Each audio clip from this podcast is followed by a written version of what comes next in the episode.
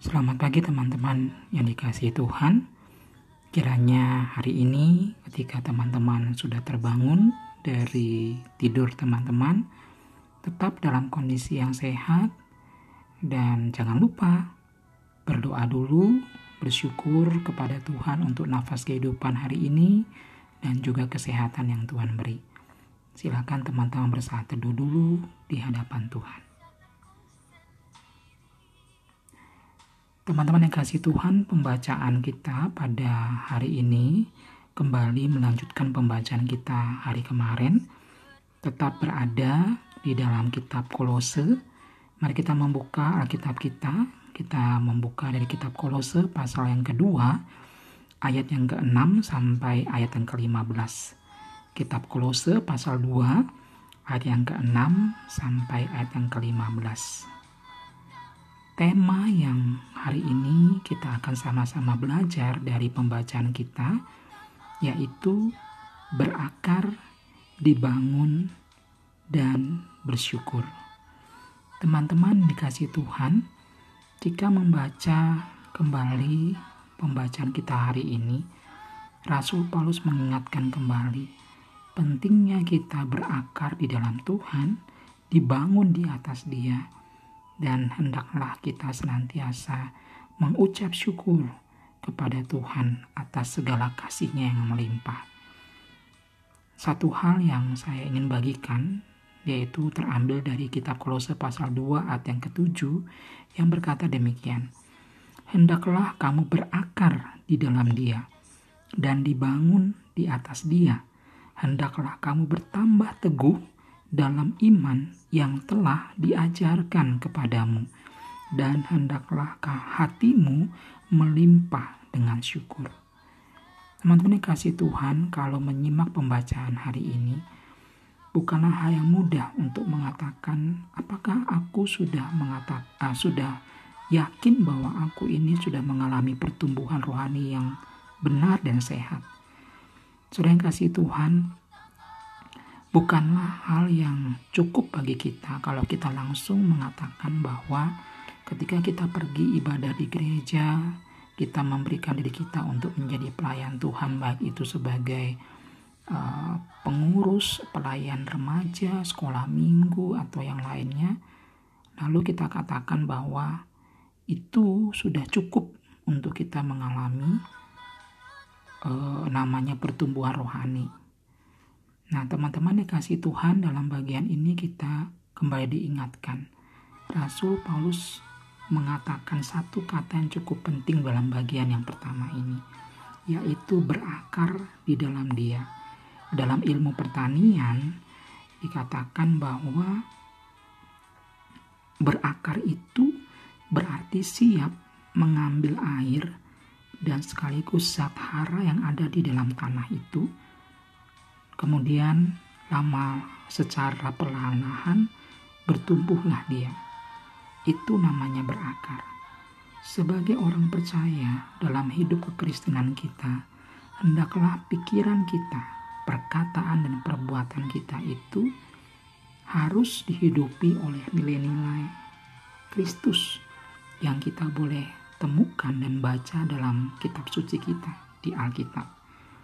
Jadi kalau dikatakan berakar di dalam dia berarti baik itu perkataan, pikiran, dan perbuatan kita harus selaras dengan Kristus. Sungguh aneh rasanya jika yang kita pikirkan hari ini berbeda dengan apa yang kita katakan. Bahkan sungguh aneh kalau apa yang kita katakan itu juga berbeda dengan apa yang kita lakukan hendaklah kita kembali belajar berakar di dalam Dia. Artinya melekat dan bertumbuh serta berkembang sesuai dengan nilai-nilai yang telah diajarkan Kristus di dalam kitab suci. Bagian yang berikutnya dikatakan dalam bagian itu adalah hendaklah kamu itu ya dalam bagian itu dikatakan hendaklah kamu uh, dikatakan bertumbuh gitu ya atau dikatakan dalam bagian ini dibangun gitu hendaklah kamu dibangun nah teman-teman dalam bagian ini sebagai pengikut Kristus kita juga menyadari bahwa pertumbuhan rohani kita itu tidak bisa hanya pada batasan aktivitas rohani. Dalam Alkitab bahasa Indonesia yang sederhana dikatakan bahwa arti dari dibangun di atas dasar Kristus itu berarti hiduplah dengan menuruti kehendak Tuhan. Saudara yang kasih Tuhan, seseorang bisa mengalami pertumbuhan rohani itu bisa terbukti dan bisa nyata ketika ia boleh mengikuti atau istilahnya berjalan sesuai dengan kehendak Tuhan. Jadi, ini bukanlah perkara yang mudah, teman-teman. Kalau kita mengatakan bahwa aku ingin mengikut Engkau, aku ingin melakukan seturut dengan kehendakmu itu jangan sampai hanya pada batasan kerinduan saja, tetapi hendaklah kita berani menyatakannya. Nah, sudah yang kasih Tuhan, ketika kita membiarkan diri kita diairi, gitu ya, atau dialiri dengan lenina Kristus yang sudah diajarkan dalam Alkitab, lalu melakukan kehendak Tuhan, itu menjadi sesuatu yang wajar. Ini tidak aneh kalau kita sudah hidup, sudah mengikuti teladan Kristus, apa yang dia ajarkan kita lakukan, maka hal yang tidak aneh bagi kita bahwa kalau kita mengerjakan apa yang Tuhan kehendaki. Tapi sungguh aneh rasanya kalau kita berakar dalam Kristus, namun tidak hidup seturut dengan kehendaknya. Itu justru yang aneh. Bagian yang ketiga adalah melimpah dengan syukur. Rasul Paulus menyadari, meskipun ia dalam penjara dan dia harus melihat jemaat di Kolose berjuang dengan sekuat tenaga melawan berbagai ajaran dan juga pengajaran yang sesat. Tapi kita bisa melihat dalam bagian ini, Rasul Paulus tetap menyatakan syukur kepada Tuhan untuk setiap peristiwa dan keadaan yang dialami, baik terhadap dirinya maupun juga terhadap jemaat atau orang-orang percaya di Kolose. Teman-teman, mencapai standar iman atau pemahaman seperti Rasul Paulus yang mana walaupun ia disesah, ia mengalami banyak penderitaan bahkan di penjara. Tetapi satu hal yang kita bisa melihat dari bagian ini, ia tetap mengucap syukur kepada Allah. Itu sebuah tingkatan iman dan tingkatan pengetahuan atau pengenalan akan Tuhan yang sangat-sangat dalam dan tinggi. Namun pertanyaannya apakah kita bisa sama seperti Paulus? Jawabannya bisa. Bagaimana caranya? Lakukan seperti yang tadi. Berakar di dalam Tuhan, dibangun di atas pengenalan akan Tuhan, dan ucaplah syukur dalam segala keadaan kita. Teman-teman, bagaimana ketika kita dalam pandemi ini, dalam kita membangun saat-saat teduh kita bersama dengan Tuhan.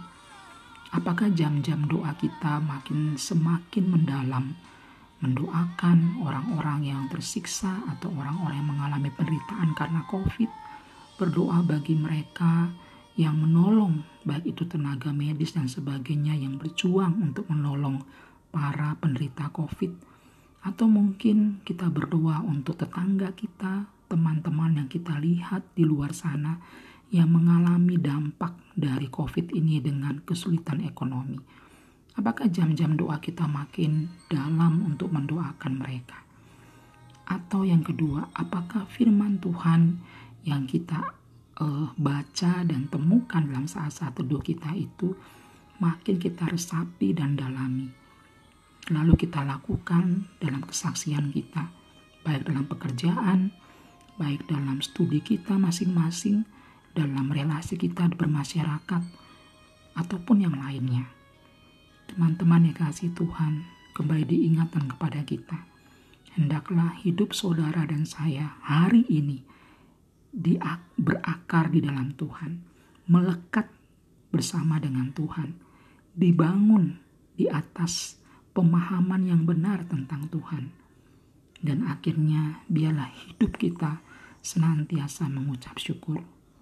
Semuanya itu tidak mungkin bisa kita capai kalau kita tidak memiliki disiplin rohani, tidak memiliki kerinduan dan kerendahan hati untuk mau membuka diri seluas-luasnya agar Roh Kudus bekerja dan menolong kita untuk kita punya kerinduan mengenal Dia.